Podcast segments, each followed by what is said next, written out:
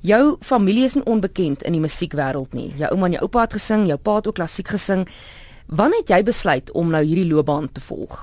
Sjoe, ek dink as loopbaan was dit van kleins af. Ek sal sê ek was seker graad 4 waar ek begin um al my musiekboeke bymekaar hou, al my klavierboekies want ek gedink ek gaan musiek gee, ek gaan dit letterlik 'n onderwyseres wees.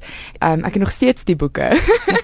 en toe later het ek net gedink ek gaan net musiek swat. Dit is wat ek wil doen. So ek het my graad 8 klavier gedoen, hard gewerk, in kore gesing. Jy weet seker gemaak ek doen soveel as wat ek kan in die musiek bedryf waar ek kon so my pa se nou en dan sê ja, hy doen hierdie speel jou liedjie hierso en skryf 'n liedjie daar. So ek het 'n klomp dinge probeer, uitprobeer. En toe my eerste jaar uit die skool uit, toe doen ek my klaviereksamen en op daai oomblik toe besef ek ek kan nie klassieke musiek swat nie. Ek kan dit net nie doen nie want daar's iets in my siel wat vir my sê ek dis goed en wel om tegniek te leer en dit is wat ek ek het baie respek vir mense wat tegniek het. Maar ehm um, daar's amper te veel wat aangaan in my kop wat kreatief nou soof ehm um, ontlok moet word. En ja, dis hoe ek besluit het ek moet ek moet net musiek doen as loopbaan, maar ek het ook drama geswat.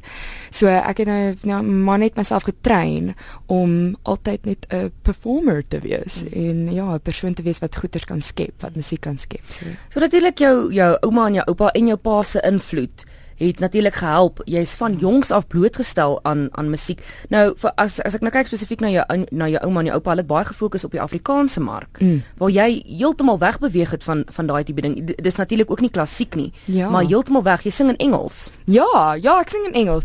Ja, die ding is, ek dink ek het Engels skool gegaan en dit het net ek het toe later ons nou in Afrikaans gaan swat op Stellenbosch. Ehm um, maar ek het altyd net in Engels gedink as ek nou goeters wou skep, as ek nou gedigte moes skryf. Ek het nooit in Afrikaans 'n gedig geskryf nie, maar dit is nie asof ek teen dit is nie. Maar ek dink net hoe my kop gewerk het was amper in, in meer van 'n Engelse realm as ek nou daai woord gaan gebruik.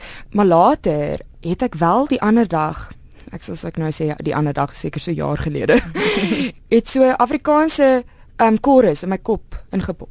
Net soos daar sy, daar's Afrikaanse chorus, skryf ek dit neer en dit was verskriklik lekker. Um maar toe werk dit amper opneem maar nou is ek ek's nou by Marius Brouwer en toe sê hy nou vir my nee ek dink dit is 'n bietjie premature doen eerder nou die Engelse ding en dan sal ons nou maar op 'n later stadium kyk so ek's glad nie teen dit nie dis net waar my kop is ja. jy jy sê baie jy jy, jy het baie kreatiewe idees wat in jou kop aangaan die tipe ja. musiek wat jy maak en jy's nou in Johannesburg om twee nuwe snitte op te neem ja. en voor ons gesels het, het jy gesê laat jy het nou bietjie meer pop gegaan. Mm. Hoekom het jy besluit om van jou oorspronklike klank af weg te beweeg? Dis bietjie jazzy, dis mm. dis anders. Ek wil nie die woord vreemd gebruik nie, want dit plaas dit half klaar in 'n ek weet nie of dit 'n negatiewe konteks is nie, maar dit is anders. Ja, dit is 'n bietjie left of center. Mm.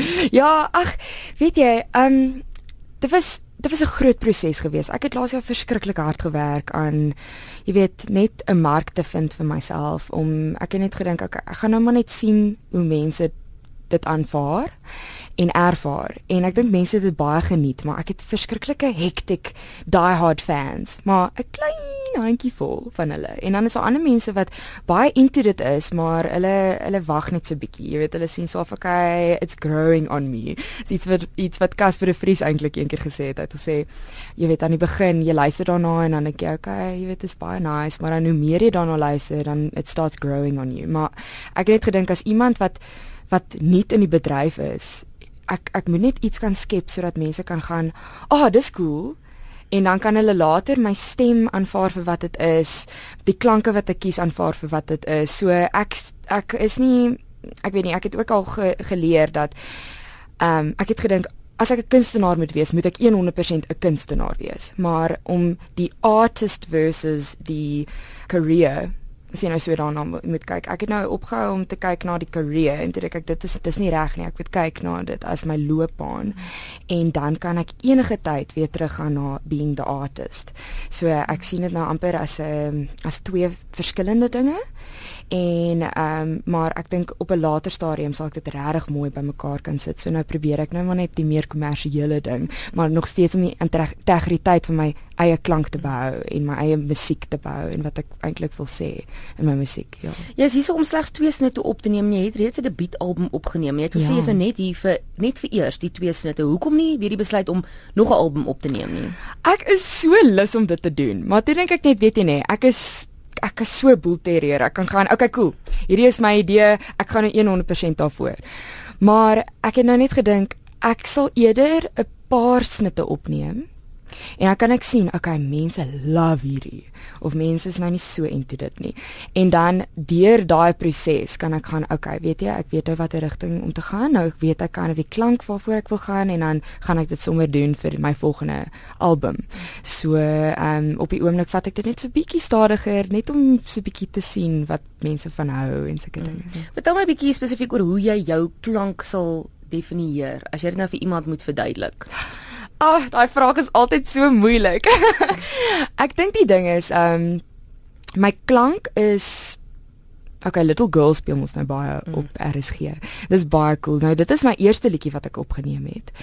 Dit is dit is borderline jazz met elektroniese elemente.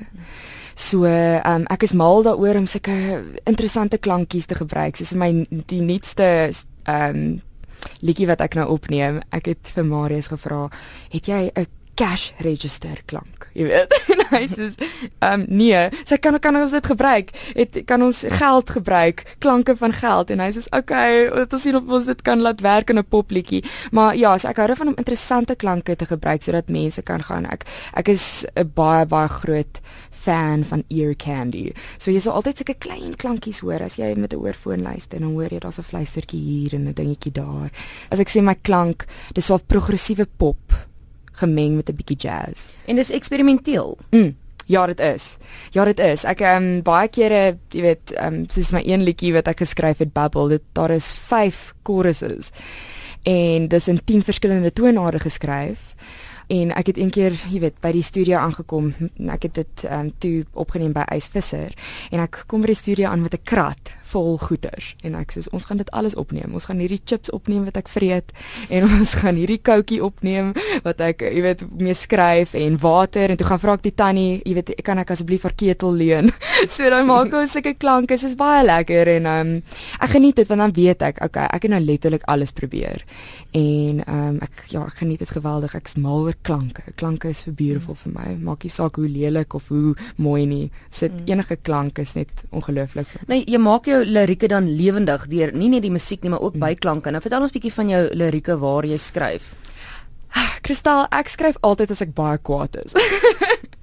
ek is regtig altyd baie kwaad, maar ehm um, ek dink my my lirieke wat ek wat ek wil doen is ek ehm um, ek wil amper elke liewe liedjie vat vir wat hy is. Ek sien dit amper soos elke liedjie is my kind. Mm. Dis my eie kind. En elke kind het iets anders om te bied. So ehm um, my lirieke, as ek byvoorbeeld skryf oor een of ander abuse. Ehm um, soos met Icy Red, dan gaan ek okay. Ek my liedjie se naam is Icy Red, dan gaan ek okay. As ek nou dink aan 'n baie moeilike situasie, wat gaan ek wat gaan ek gebruik om dit laat lewendig voel? So nou praat ek oor ek vat laat ons sê kinderlike klanke.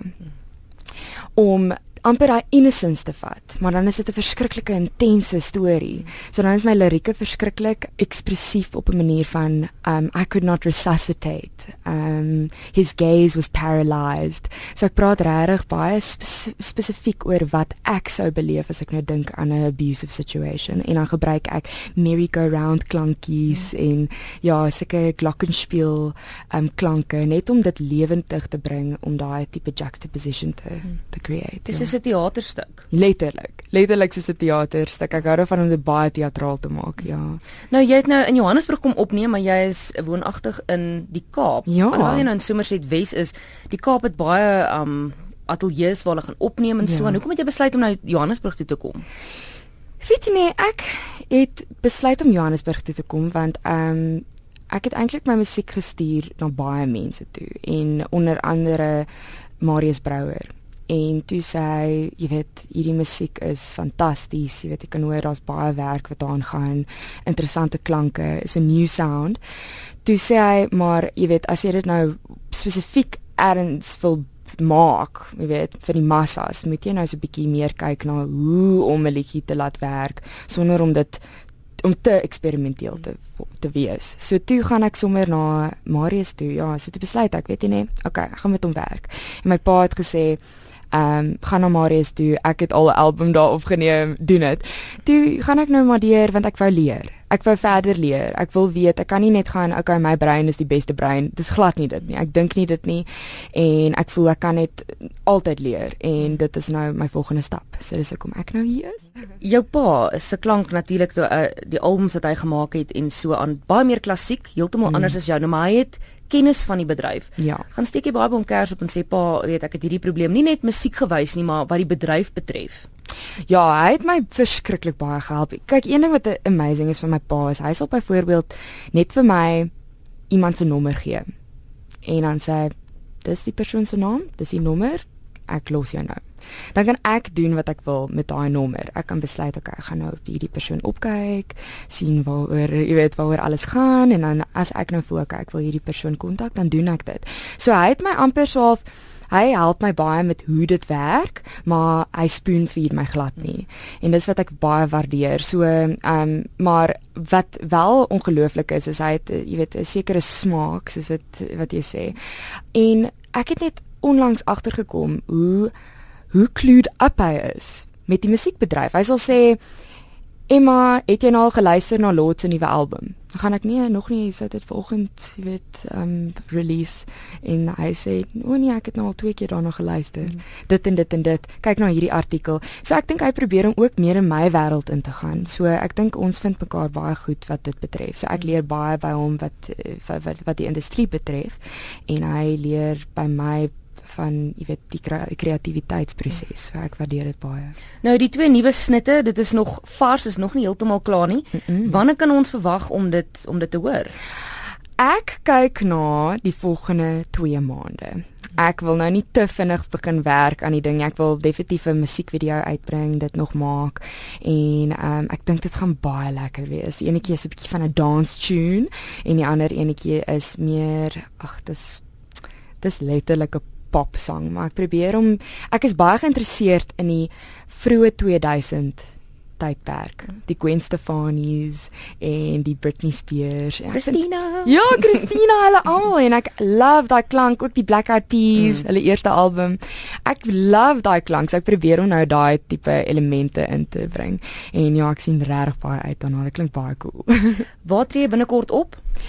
Ek tree die 1 September by die Trostay Theater en ek doen ook 'n uh, lekker jazz um wel is meer van 'n corporate private event um die 20ste September. Um ek sien baie uit daarna gaan op 'n wynplaas wees. Um maar andersins is ek besig om te werk aan 'n klein um, Johannesburg toer vir die einde van die jaar. So ek sien regtig uit daarna en ek werk ook daaraan om meer teater show showtjies te doen soos by die Alexander Bar en dan ook shows te doen by altwee van Café Ruse en dan ook Alma Café. So ek gaan 'n bietjie meer van 'n akoestiese gevoel gee aan my musiek en ek sien regtig uit daarna. Om af te sluit, waar kan ons luisteraars jou volg? Is jy betrokke op sosiale media? As jy aktief daar? Ja, ek is aktief. Ek is baie aktief op Instagram en ook op Facebook. Ek is 'n bietjie minder aktief op Twitter. Ek weet nie hoekom nie. Ek sukkel so 'n bietjie met daardie medium, maar ek is daar. Ek is definitief aktief daarop. Ja, um, letterlik Emma van Hein dis letterlik my tag op alles. So ja, en ehm um, gaan ook op my op my webwerf emmavanhein.com.